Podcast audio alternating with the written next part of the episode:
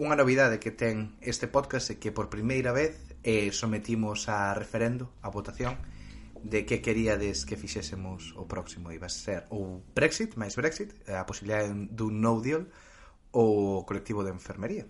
E o que teñen as votacións electrónicas é que non podemos levar a policía a ah, pegar porradas como en Cataluña. Nin aplicar 155, ni nada. E que gañou? Gañou por goleada o falar do sector da enfermería, pero a ver, aí tamén houve un pouco de trampa, vamos a Vamos a ser claros, porque ao principio cando empezaba a votación entre os a xente que escoitaba habitualmente o podcast estaba a cousa 50-50.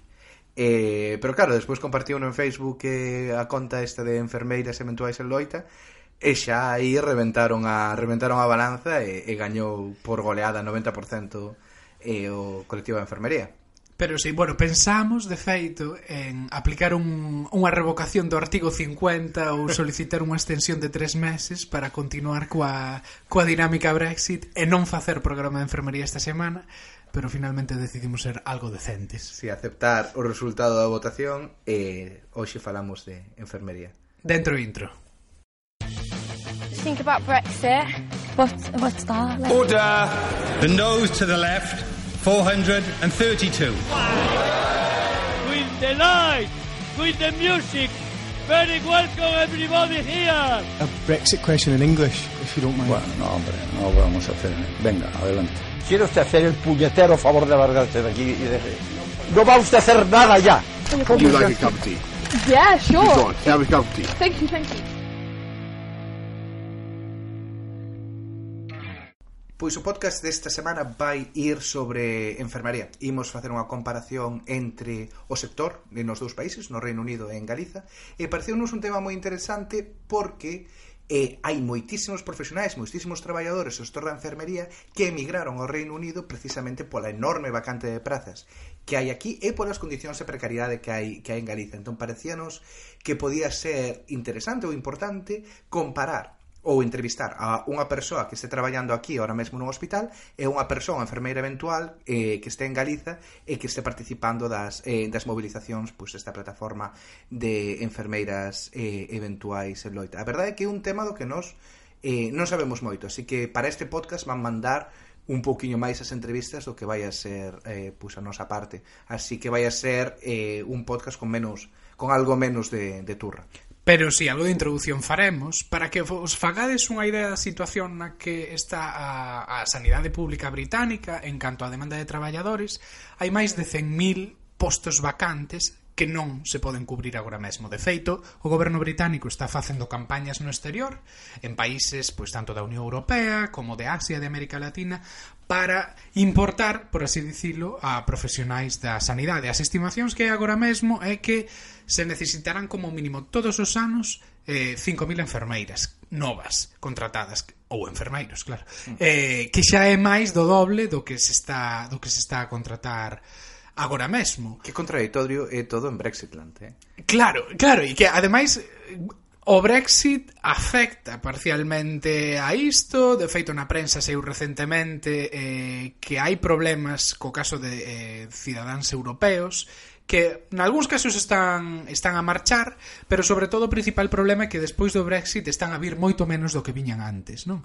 E bueno, pois é fácil de comprender porque o Reino Unido, ca situación de incertidume que hai, e se non se vai a continuar na Unión Europea, pois a pesar de que o idioma é o idioma universal que, por así dicilo, todo o mundo puidera falar no resto da Unión Europea, pois non é un destino tan tan atractivo. Pois a primeira entrevista deste podcast vai a ser con eh, Sebe Filgueiras, un enfermeiro galego de, de Esteiro, que xa leva cinco anos eh, no Reino Unido, ahora mesmo traballa no eh, Royal eh, Free Hospital, antes traballou eh, no, no Servizo Galego de Saúde, vai nos contar un pouquiño cales son as grandes diferenzas entre a profesión da enfermería no Reino Unido e en Galiza. Hola Sebe, que tal?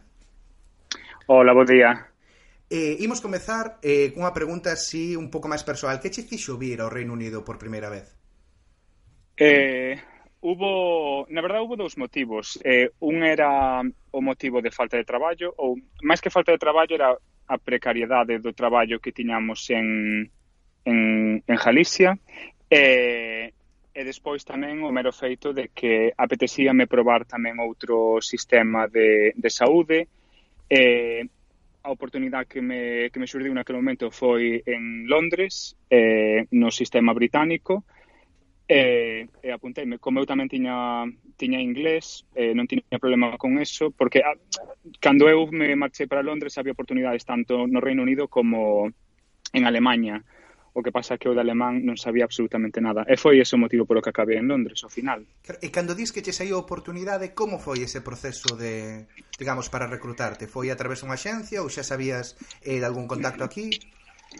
No, foi, foi a través eh, dunha, dunha agencia. De feito, eh, é moi habitual eh, nos enfermeiros, ou polo menos naquela época, ahora non sei como está, verdad, porque xa nunca máis volvín a, a mirar, pero naquela época o que se facía moito era eh, empresas, agencias, porque moi raramente viñan hospitales directamente a España, pero eran agencias que viñan, facían o proceso de, de selección, eh, dali xa pasabas a, a facer unha entrevista coa, co hospital, con personal do hospital, eh, eu no meu caso fora a Barcelona, fixéramos ali unha entrevista eu e máis 300 outros eh, enfermeiros, porque de feito cando eu fora para, para traballar o primeiro hospital non é no mesmo no que estou traballando agora, e empezáramos como 20, 22 enfermeiros, dos cales a maioría éramos todos eh, eu era o único gallego, pero había moitos outros de outras partes de España, eh, pero 20 e pico case da, da primeira ronda. E en cuestión de tres meses apareceron outros 40 e algo máis.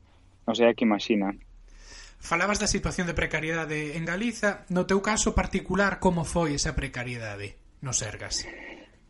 Eh, pois precariedade, como, como están eh, a publicar eh, nos últimos meses as compañeras e compañeros de enfermeiros eventuais en Loita, eh, na maioría dos casos, eh, porque, bueno, eu tampouco teño, mo, naquela época non tiña moitos anos de experiencia en sanidad, e, polo tanto, o único que me tocaba eran eh, pois, contratos o, o que che tocara. Eu tive a sorte de, nunha época, ter un contrato de un ano, porque foron a baixa por... Eh, por embarazo que ao final se complicara, entonces pois conseguira un contrato dun ano, pero habitual e a mí o que me pasaba era que habitualmente tiñas contratos de un, dous días en centros de salud ou en algunhas unidades E, e se tiñas a sorte que che tocara un contrato máis largo, pois tiñas esa sorte, pero habitual eran contratos bastante bastante pequenos. De feito, o último que tuvera eh, fora no, no centro de salud de, de Carnota, Eh, e fora ben curioso, porque eu fora a traballar o lunes e habitualmente ti non, ti non firmas o contrato antes de ir a traballar, porque che chaman o día antes ou dous días antes e non che dá tempo.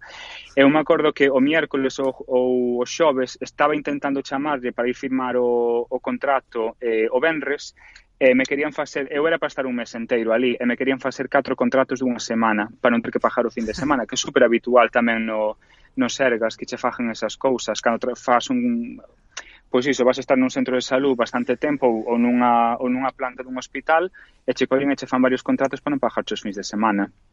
Eh, como a min moitas outras compañeiras. Claro, e agora que coñeces un pouco os dous mundos, cales dirías que son as principais diferenzas entre traballar como enfermeiro na sanidade pública galega e traballar na sanidade pública británica? A sanidade, a ver, ten, ten moitas ventaxes, porque eu sempre lle explico a xente, aínda que a mí non me gusta moito a, a enfermería como está plantexada no Reino Unido, no aspecto de que eh, o, perso o personal de enfermería do Reino Unido é un personal que ten moi poucas competencias eh, técnicas se o comparamos co, co, cos profesionales da enfermería de eu conoce de Galicia, pero me imagino que de toda España en general. Eh, pero ten moitas cousas boas. O máis importante é a estabilidade ti no Reino Unido funciona moi parecido como funcionaban antes as fundacións eh, no, en, en Galicia que ti ibas ou vas a un hospital, te entregas o teu currículum eh, ou, bueno, inscribeste nas ofertas que hai eh, se ti pasas o cribado che chaman unha entrevista, se eres boa entrevista che contratan. Non existe o funcionariado como entendemos nós en, en Jalice de que tens que facer as oposicións eh, hasta que non consigas unha plaza, pois estás nas listas de contratación eventual. Ali é diferente, entón, eso dache unha ventaxa problema que tes, o que comentaba antes, as o personal, o, o, o teu equipo de traballo, non sei que estés moi rodeado de personal portugués, eh, español en general, italiano tamén, ou filipinos que temos un sistema eh, de educación eh, bastante técnico e eh, con moitas competencias, o que te encontras habitualmente é que tes equipos que teñen moita falta de competencias, eso implica tamén unha disminución da calidad, polo menos a calidad como nos entendemos. Que ese é outro problema tamén, a calidad que les entenden, os estándares de calidad que les entenden ali, eles os cumplen porque non, te, non os comparan co sistema coa calidad que nos o compararíamos, por exemplo, aquí. Eh, eso nos choca nos moitos os enfermeiros que vimos de, de calquera parte da España cando chegamos a, a Reino Unido nos choca moitísimo porque moitas cousas que nos estamos acostumbrados a facer e que facemos sin problema ningún no Reino Unido non o podemos facer ou ben porque non temos as competencias para facer eso ou ben porque eso non son competencias nosas e son cousas que teñen que facer os médicos. Eh, e como Pero bueno, podes adquirir ten... esas competencias? Nada, che dan, che dan formación porque esa é unha cousa boa tamén que ten o Reino Unido. Eh, os hospitales, agora xa non tanto porque agora está habendo moitos problemas de, de financiación nos hospitales, hai moitos hospitales, por exemplo, o meu hospital ten unha deuda tremenda e agora nos están eh, restringindo moitísimos gastos, é un dos gastos principales que restringen o de, o de educación, pero eles teñen moitísima formación, unha formación bastante boa. O ben che pagan cursos universitarios, o ben fan cursos dentro do propio hospital para facer eh, o personal competente neso. No noso caso non é que che teñan que enseñar nada, o único que teñen é que que ti como enfermeiro eh, tens que demostrar que eres competente neso, eles che firman e unha vez que tes o documento en comodín que eles sí que comprobaron que ti que eres competente neso, pois xa podes facer esas cousas. É máis ben un, unha trapechada que, que teñen que facer para que nós podamos eh, eh, ejercer esas, eh, esas competencias, pero sí que é verdad que moito do personal que sale da, das facultades hoxe en día eh, non ten esas competencias, ten que ir a esas formacións. Pero os hospitales sí que dan moito moito soporte para, para eso. Comentaches agora unha cousa da que neste podcast falamos xa en algunha ocasión que o xeito de que telecontratar o sector público no Reino Unido pois comparado co, co Estado español, con Portugal ou Francia que quizáis sí. teñen un sistema máis parecido. Ti xa viviches os dous? un pois que sí. o, de, o do funcionariado, de oposición máis tradicional que o que temos en, en Galicia e aquí no cal as contratacións pois funcionan un pouco máis máis parecido que sería unha empresa privada normal, non? De mandar currículum, sí. entrevista e, e proceso. Que vantaxes e que inconvenientes se ves a, esta, a este formato de contratación? E crees que sería algo que se podería aplicar en Galicia de xeito que funcionase como funciona aquí? Eh, Bueno, esa é unha caixa de Pandora, teño que dicilo, eh? Porque, sí, sí, foi a eh, propósito, foi con eh. Eu, é que eu, eu ao principio teño que reconocer que eu sempre defendí moitísimo o, o sistema de funcionariado que, que temos, eh, pero bueno, porque tamén non conocía outra outra cousa. O funcionariado ten, bo, ten de bo que dache unha estabilidade que non che dá, por exemplo, unha empresa privada. Eh, pero, sin embargo, eso che restringe moito no aspecto de que Ti, primeiro, para conseguir unha plaza necesitas moitos puntos e iso significa eh, moi boa nota de, de oposición, pero despois tamén moita experiencia para que che dé puntos para, sumada a nota da oposición, teres unha puntuación tal que che permita eh, conseguir esa plaza. Eso implica que durante todos eses anos que necesitas eh, ter esa experiencia, pois estás en precario, hasta que chega o momento no que tes unha certa estabilidade, eh, pero habitual é que, que estés durante moitos anos, e cando falo moitos anos, non hai máis que ver as compañeras de, eh, de enfermeiras eventuais en Loita, moitas compañeras que levan incluso máis de 10 anos traballando de forma eventual para intentar conseguir todos eses puntos. Por outro lado, a mí o que me gusta moito do Reino Unido é que eh, o Reino Unido che permite que se si ti te queres cambiar dunha unidade para outra, ben porque estás cansado, ben porque te queres especializar noutra unidade, ben porque non estás contento co equipo que tes, tes bastante flexibilidade porque é solamente empezar a inscribirte noutras ofertas de traballo que encontres e cambiaste. Sin embargo, no funcionarado se terías que ir por unha promoción interna. É, é un pouco máis difícil. Tamén é certo, e hai que dicir, que no Reino Unido pasa isto porque hai moitísima falta de personal. entonces moitas unidades teñen falta de personal, teñen plazas constantemente salindo e eso che permite tamén moverte. Se tuveramos unha situación como en España na que ahora mismo temos máis personal formado que plazas eh, disponibles, plazas disponibles non significa que non existan, é simplemente que ou se foron destruindo esas plazas porque o goberno non quixo repor eh, as persoas que se iban xubilando, morrendo ou o motivo que fora, porque eso tamén é importante diferencialo, non é que non existan esas plazas, pero foronse eliminando tamén moitas nos últimos anos, pero en Galicia ahora mismo non temos tantas plazas disponibles como temos personal eh, cualificado. Eh, no Reino Unido sí que che pasa eso, entón dache esa flexibilidade. A mí gustame moito por, por eso. A enfermería é, eh, é un traballo que, ainda que é apasionante, eh, cando estás nunha unidade, eh, fase, nos lidiamos con, con moitas cousas. Eh, e moitas delas non son bonitas de ver todos os días. Entón, chega un momento no que cambiar tamén che axuda moito a unha eh, psicológicamente axúdache moito a, a limpar ese, a cabeza de todo o que, o que vivistes e despois tamén te axuda a, a formarte porque chega un momento que cando estás nunha, nunha unidade moi moi especial saturaste, queres cambiar e empezar a formarte en outra cousa, que aquí sí que no Reino Unido sí que se permite, non é que se permita, é, é moito máis fácil facer eso. E sabe, falabas antes dos recortes, do, en concreto os recortes en formación, pero como afectaron os recortes nos últimos anos no Reino Unido ao que é a atención sanitaria, polo menos no que no que ti puideches vivir no, no teu hospital? Eh, bueno, eu non conozo moito da historia do, do NHS, eh, pero bueno, sí que sei que o, o problema de todo isto empezou cando se empezou a privatizar o, o servicio de salud. Eh, se mal me equivoco foi con Margaret Thatcher que, que empezou todo isto. Eh, e o problema que temos é que hoxe en día hai moitas áreas dos hospitales que están que están privatizadas, eh, terceirizadas, eh, e iso disminúe a calidad. O problema que temos fundamental hai moitísima falta de, de diñeiro. O sistema de financiación no Reino Unido é bastante particular tamén porque é bastante diferente ao que poderíamos encontrar en, en Galicia. Cada hospital ou cada complexo hospitalario ten o seu propio sistema de, de financiación. entonces iso tamén o fai un pouco máis eh, máis complejo. Pero bueno, aparte deso, problemas que temos, non hai tanto carto como había antes para formación, eh, personal que non está formado é personal que non é competente para facer certas cousas, eh, non temos tampouco cartos para en moitos hospitales, como por exemplo o meu, eh, plazas eh, de personal de supervisión ou de gestión eh, estánse restringindo moito. Cando unha persona se vai en algúns departamentos xa non se está cubrindo por falta de, de eh, de cartos eh, e despois tamén o tipo de maquinaria, o tipo de tratamento que se aplica, agora o que se está facendo moito é mírase moito máis eh, os costes de cada tratamento e non sempre se escolle o mellor tratamento eh, porque hai que mirar moito o coste. Eso non é exclusivo do Reino Unido, nos pasa en Galicia e o levamos vivindo moitos anos en Galicia, o que temos que pasa sempre en Galicia, pasa tamén no Reino Unido, é que os profesionales somos bastante vos e intentamos suplir as deficiencias que o goberno está intentando facer na sanidade para que os usuarios do sistema non noten tanto esas deficiencias, pero están aí, os que traballamos dentro sabemos perfectamente como están afectando todos eses recortes, o que pasa é que non se ven tanto por ese esforzo que están a facer moitos compañeros e moitas compañeiras de intentar paliar ese, ese déficit que, que hai.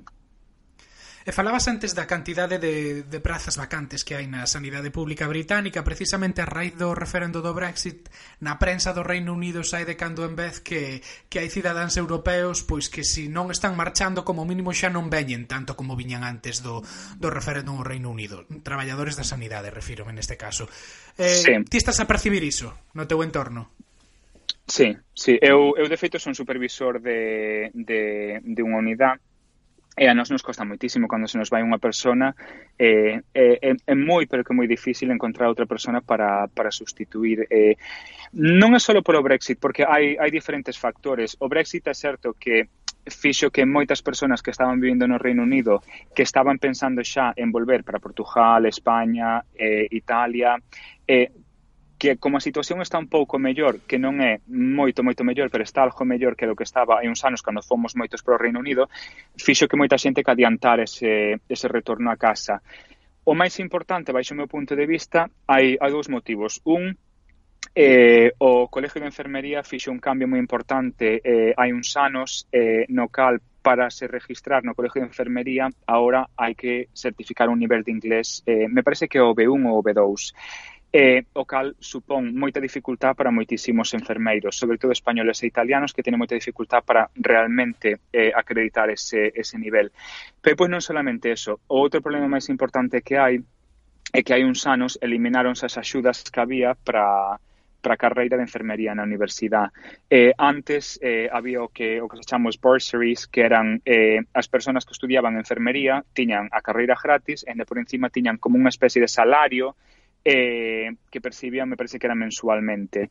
Eh, eso tamén é un alma de doble fío, porque uh, eu o que identifiquei é que a maioría das persoas que estaban estudiando enfermería non o facían por vocación, sino que o facían porque era unha carreira que non había que pagar ainda por encima que daba charjo de ingresos mentre que ti que estabas facendo a carreira e che garantizaba un traballo no futuro. Entón, eso provocou moitísimos problemas tamén na sanidade que os que temos hoxe en día.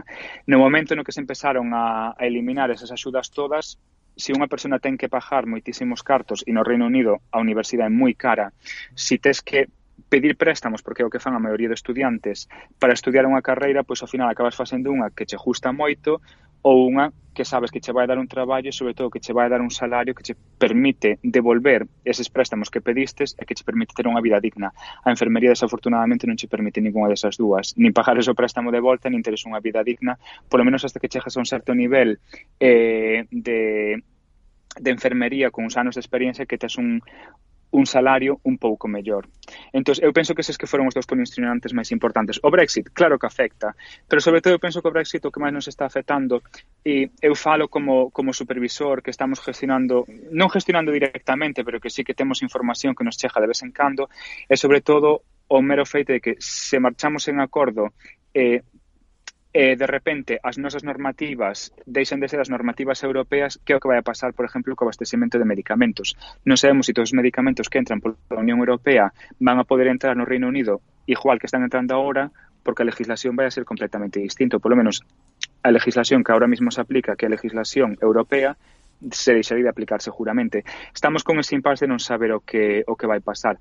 Non creo que sea unha catástrofe, pero bueno, é algo que hai que ter en conta tamén porque estamos falando de que igual o día 31 de outubro nos marchamos sin acordo e, e non temos o noso hospital, por exemplo, imagino que terán algún plan de, de contingencia, pero non, non é algo que, que nós que estemos sabendo e que, e que se note no hospital que realmente que, que hai movimentos dese tipo. Uh -huh. Eh, para rematar, unha última pregunta que sempre facemos a, a todos os entrevistados. Eh, ponte nunha situación imaginaria dunha Galiza utópica na que ti és eh, consellero de Sanidade.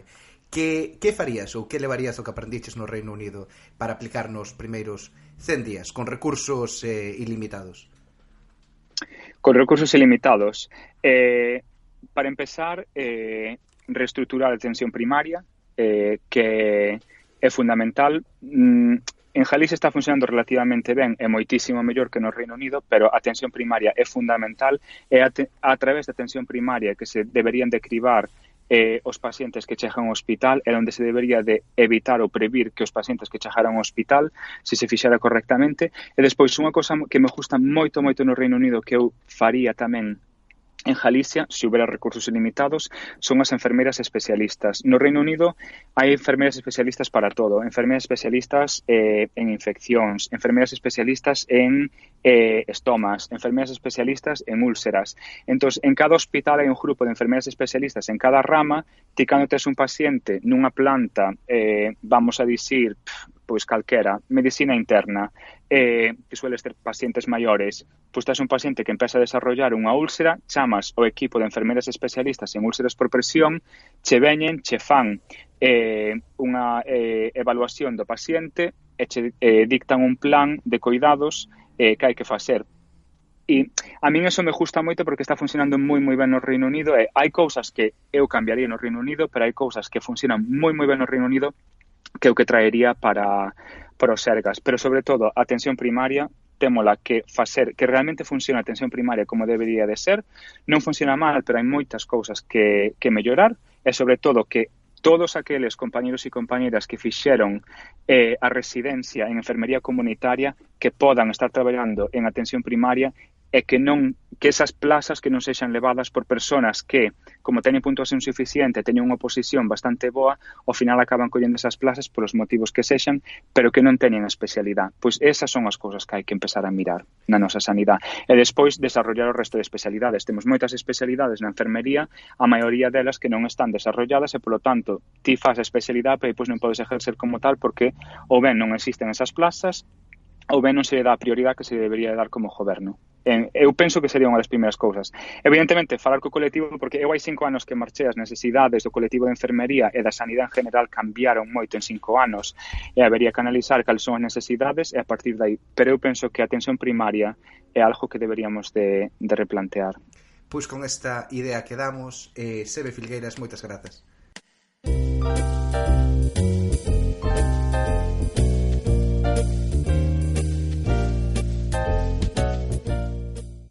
Olle, estivo ben a entrevista, eh, Duarte? A ti que che sí. pareceu? Pois gustoume moito, máis alá de que evidentemente Sebe eh, é unha persoa moi fácil de entrevistar porque iba, iba dando todos os temas polos que despois queríamos preguntar sí. eh, hai unha cousa que a mí me parece moi interesante e eh, da que xa falamos en máis ocasións cando entrevistamos a outros traballadores do, do sector público que é o distinto que é o sistema de contratación no Reino Unido e eh, en Galicia entón, claro, que no Reino Unido contratas como nova empresa privada, mandas o teu currículum e eh, e eso, si, si lles gustas, pasas e si non, non. Pero, pero claro, eso eh, ten as súas, as súas, os seus inconvenientes a nivel de, de algo de menos estabilidade, pero tamén favorece pois o que dicía, o que dicía Sebe, a mobilidade ben entendida, en que se ti queres pois especializarte nun área ou cambiar de hospital, que é moito máis doado que, que o sistema que hai que hai en Galiza, non? Claro, eh, ah, o problema de importar ese modelo para Galiza probablemente sexa que co precedente da Deputación de Ourense, claro. nalgúns casos o mellor a forma de seleccionar o persoal para os hospitais non sería máis axeitada. Efectivamente, non, está claro que un país que que inventou a Deputación de Ourense non, non creo que sexa máis doado ou máis xusto para, para abrir un proceso de, de, de selección libre pero, pero non sei, sí que creo que un modelo que se, se te paras a pensar ou, ou tal e como funciona aquí é moito máis eficiente a hora de, de recrutar eh, persoa, persoal cualificado hmm. porque avalían en función da experiencia do, do, eso, do traballo feito e non da capacidade de vomitar temas nunha oposición que se te paras a pensar pois é, eh, bueno, posiblemente recrutes a, a xente máis capacitada A mí a miña, unha das cousas que me fixo replantexar un dos meus dogmas persoais que tiña eh, a miña vivencia no Reino Unido foi a miña opinión sobre as oposicións, por así mm. dicilo. É dicir, non estou dicindo que non deba haber funcionarios, pero sí que é certo que creo que o modelo que temos alá hai no que, que cambiar eh, en certos sentidos e que non ten moito sentido eso que para acceder a unha plaza simplemente teñas que, que vomitar temas e estou claro. pensando por exemplo na, nos procesos de selección para, para xudicaturas claro. que é unha auténtica barbaridade nin tampouco ten sentido que por sacar un día un examen e facer bueno, pois unha proba teñas xa un posto de traballo para toda a vida e que non haxa bueno, outros mecanismos de control ou de garantía de, do traballo que Claro, e, e tamén penso que a, o feito de que cambie ese tra de, de, de traballos ou de sectores tampouco ten por que ser algo, algo negativo e aquí velo en moitos casos xente que igual pois, durante unha parte da súa vida traballa no sector público despois eh, decide cambiar pois, para o sector da, das ONGs ou das, ou das charities e non, e non pasa absolutamente nada non? E, e sirve para, pois, para enriquecer experiencias. Pois mira, agora estou traballando no, nun, nun xornal, pero se eh, quixese pois, facer algo parecido ao que fago do seu goberno, do seu concello, tamén o podería o podería facer facilmente e despois volver ao sector privado e non é algo tan tan raro. Axuda o feito de que aquí hai unha tasa de paro moi reducida claro. que fai que sexa máis fácil claro. moverte un traballo no que o mellor non, non estás especializado claro. pero en Galiza todos os traballos teñen unha, unha cola de, de xente con formación claro. para iso moito máis grande, pero sí, sí que te, sí que entendo que di, sí, sí, estou de acordo. Pero bueno, volvendo máis á entrevista, a ti que foi o que destacarías? Bueno, destacaría iso e a maior iso que comentou da, da formación, no? de como a pesar de estar a traballar para a administración, pois se, se, se facilitaban, se mm. financiaban eh, cursos de formación, mestrados universitarios eh, en algúns casos, eh, bueno, pareceme algo interesante que ata onde eu sei non acontece na sanidade pública lá en mm. Galicia. A mí algo que tamén me sorprendeu do que do que dixo que me parece moi loco, que pasa que tamén eh, se sabía que isto pasaba, é que as empresas que se dediquen a, a importar traballadores, traballadoras para, para o Reino Unido desde, desde o Estado español, claro. claro. Porque polo que dicía Sebe, valórase moito tamén a, a formación e a calidade da formación que teñen que hai na enfermería no Estado español e, e que, bueno, que haxa empresas que se dediquen a recrutar, pareceme pareceme a hostia, e máis insistindo no, bueno, no, no que é o debate do, do Brexit e de, de, de todo o tipo de retórica que se, que se seguiu durante o referendo, no? de eh, moi, moi, moi contrario pois, a, a emigración, controlar os números e tal, e ao mesmo tempo que haxa estas enormes vacantes en algo tan importante para todo o povo británico como mm. foi o NH, como é o NHS, e que para soster isto teñas que importar inmigrantes pois, a, a paladas, non? Uh mm-hmm. -huh. que tamén, bueno, algo moi, moi interesante. Música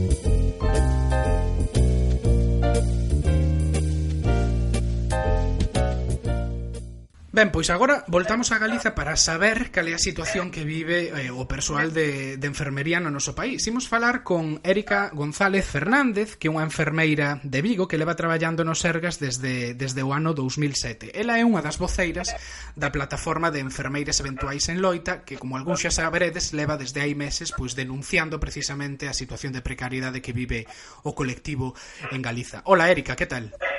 Hola, buenas tardes. Bien. Bueno, primeira pregunta, por que loita unha enfermeira eventual en Galiza?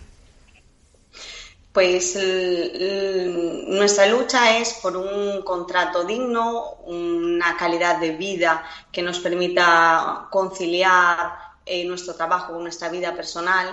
Estamos eh, disponibles para el Sergas, que es la empresa en la que trabajo, 24 horas y, tenemos que improvisar sobre la marcha. Eso nos hace imposible casi conciliar si tenemos eh, niños, programar cualquier tipo de actividad o cumplir con nuestras obligaciones diarias, eh, escuelas, eh, actividades extraescolares o cualquier evento. No podemos preparar ni siquiera un cumpleaños porque nunca sabemos eh, de qué vamos a trabajar ni qué disponibilidad podemos tener. Entonces, eh, este tipo de contratos eh, tan precarios de días eh, nos lleva a, bueno, a tener que improvisar constantemente. Claro, porque a túa situación eh, un pouco levas eso desde 2007 traballando no para os Sergas. Eh, como foi ese proceso? Eh, dependes de contratos temporais de curto tempo? Tiveches a sorte de ter contratos por un ano ou varios anos? Pues mira, yo acabé en el 2001 y tuve que emigrar realmente porque las posibilidades de trabajo que tenía eran solo eh, en verano o en Navidades. Eh, emigré a Portugal y estuve ahí durante siete años. Cuando volví, sí que es verdad que había bastante trabajo, trabajos, pero eh, por días. Yo, de hecho, tengo, cubría a una persona durante un año y medio eh, que trabajaba en un centro de salud y me, y me contrataban por días. Los fines de semana no trabajar esta persona, pues ya se me acababa el contrato. O sea que enganchaba un contrato con otro de esa misma persona pero eh, por días. Eh, tuve, nosotros trabajamos por unas listas de contratación en donde cuenta la nota de la OPE y el tiempo de trabajo. Eso te da una puntuación y si estás arriba en las listas, eh, en un principio se presume que tengas mejor estabilidad, conseguir una interinidad o una vacante. Yo después de tantos años que acabé, porque acabé en el 2001, conseguí en el 2015 mi primera vacante, eh, que me duró tres años. Y allí es en el único momento en el que tuve vacaciones o pude pedir un día de libre disposición o tener unos privilegios que no tengo hoy en día, por ejemplo. Claro. Eh, pero entonces entendemos que isto non é algo algo novo, non? O, o a eventualidade no sector da enfermería é algo que leva pasando varios anos, non? Sí, tienes que trabajar o, o, ya cuentas. Yo siempre digo que trabajar en el Sergas es una carrera de fondo. Tienes que hacer unos méritos durante años eh, para que el día de, la de mañana, y te estoy hablando de que han pasado 18 años desde, acabé, desde que acabé, pues pueda tener pues, el privilegio de tener unas vacaciones, por ejemplo. Eh, e, e por que, ou na túa opinión, crees que agora nos últimos meses estoupou pois, cunha plataforma como, como esta, como enfermeiras eventuais en loita, ou por que está vendo agora máis movilizacións as que houbo eh, hai uns anos? Foi porque a situación se foi deteriorando, porque agora vedes que tedes máis posibilidades de, eh, de conseguir melloras? Cal foron a, aos motivos polo que agora a enfermería este máis movilizada?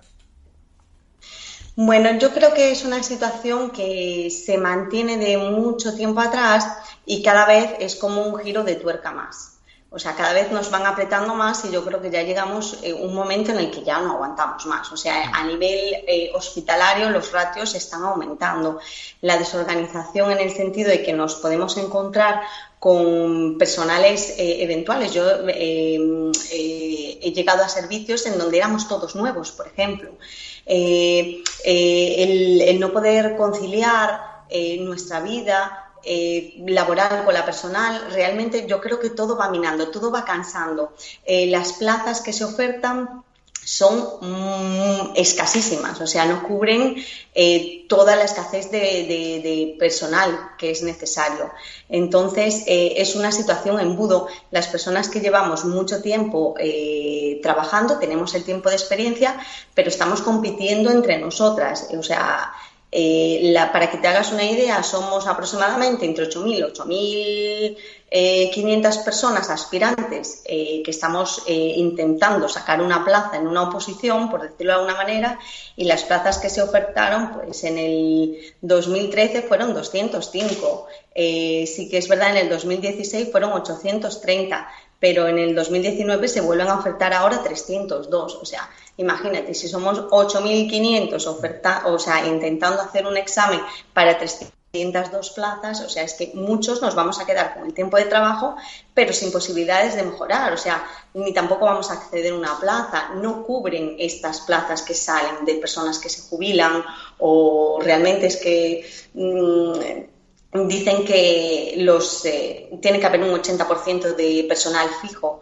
en plantilla y como no hay una claridad o transparencia de datos, lo desconocemos exactamente, pero tenemos la seguridad de que no es así. Eh, en plantilla eh, sabemos que un, un- número mayor que un 20% estamos de personas eventuales, que no tenemos eh, un contrato fijo.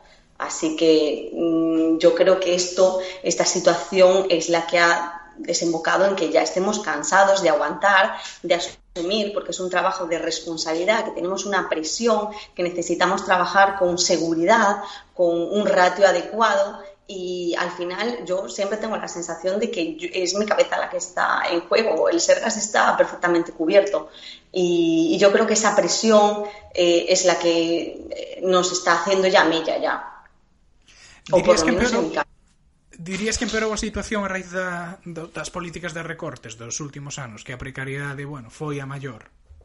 Sí, afectan los recortes, afecta tanto en especializada, eh, hospitalar como en, en, primaria, es evidente. Desde primaria yo eh, llevo un tiempo escapando de atención especializada, ya te digo, porque eh, es eh, demasiado carga eh, digamos, muchos. eh, eh, el hospital está, no sé cómo decirlo, da la sensación que el hospital está mucho más saturado que primaria e intento en la medida de lo posible escapar.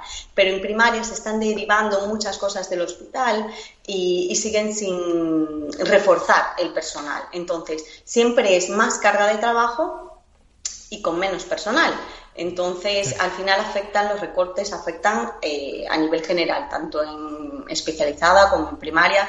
Eh, se nota de un tiempo para acá eh, bastante, la verdad. Eh, se estiveses nunha, nunha reunión co Conselleiro de Sanidade ou co Presidente da Xunta, que dúas ou tres medidas eh, lle pedirías para mellorar a situación das enfermeiras eventuais? Eh, desde luego, eh, pediría eh, que salieran las plazas que son las necesarias. Eso es fundamental para mí.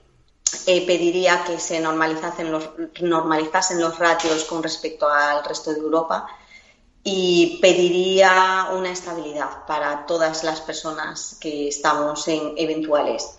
Una, eh, ahora salió el contrato de continuidad por el que estamos luchando para que no se lleve a cabo, porque sí que es verdad que es voluntario, según dicen ellos, pero supera con creces el número de horas eh, estipulada. Perdón, podes, podes eh, explicar en que consiste o contrato de continuidade para que non este familiarizado?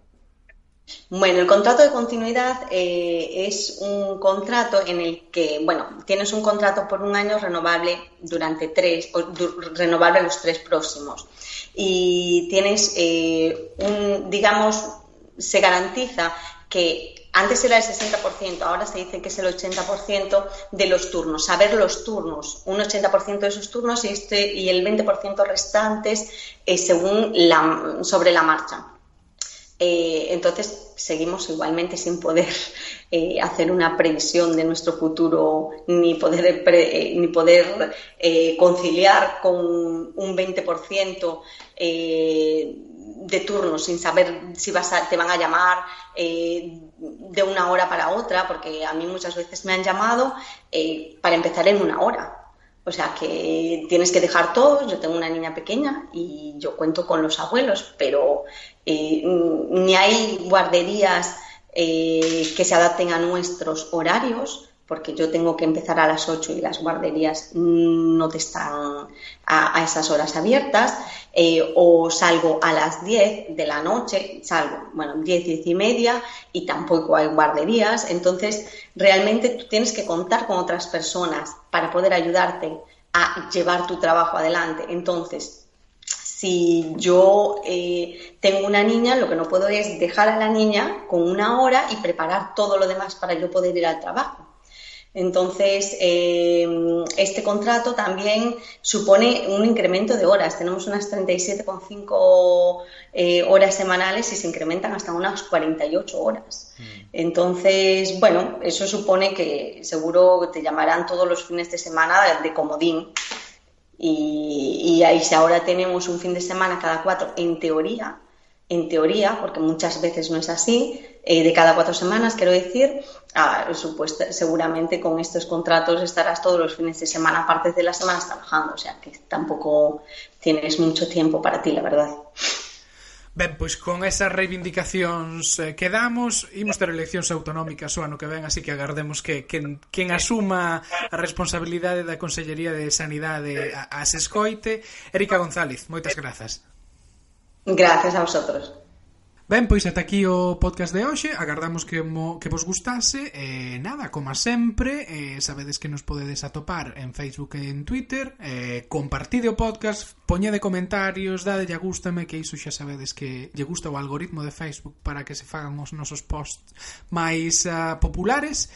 E tamén dadelle en iVoox e ou en, en Apple Podcast, e iTunes, onde sexa que os, que que o colledes porque axuda que outra xente poda descubrir. Exacto. E non vos esquezades de que temos un número de teléfono onde nos podedes mandar suxerencias de temas, os vosos comentarios, críticas, eh, non receitas... Facer, non facer como a nós, que sí que nos esquecimos do teléfono e estámolo encendendo agora e quedousemos a presión do WhatsApp desactualizada. Que sí, creo que van mil versións novas de WhatsApp antes de, da que temos agora.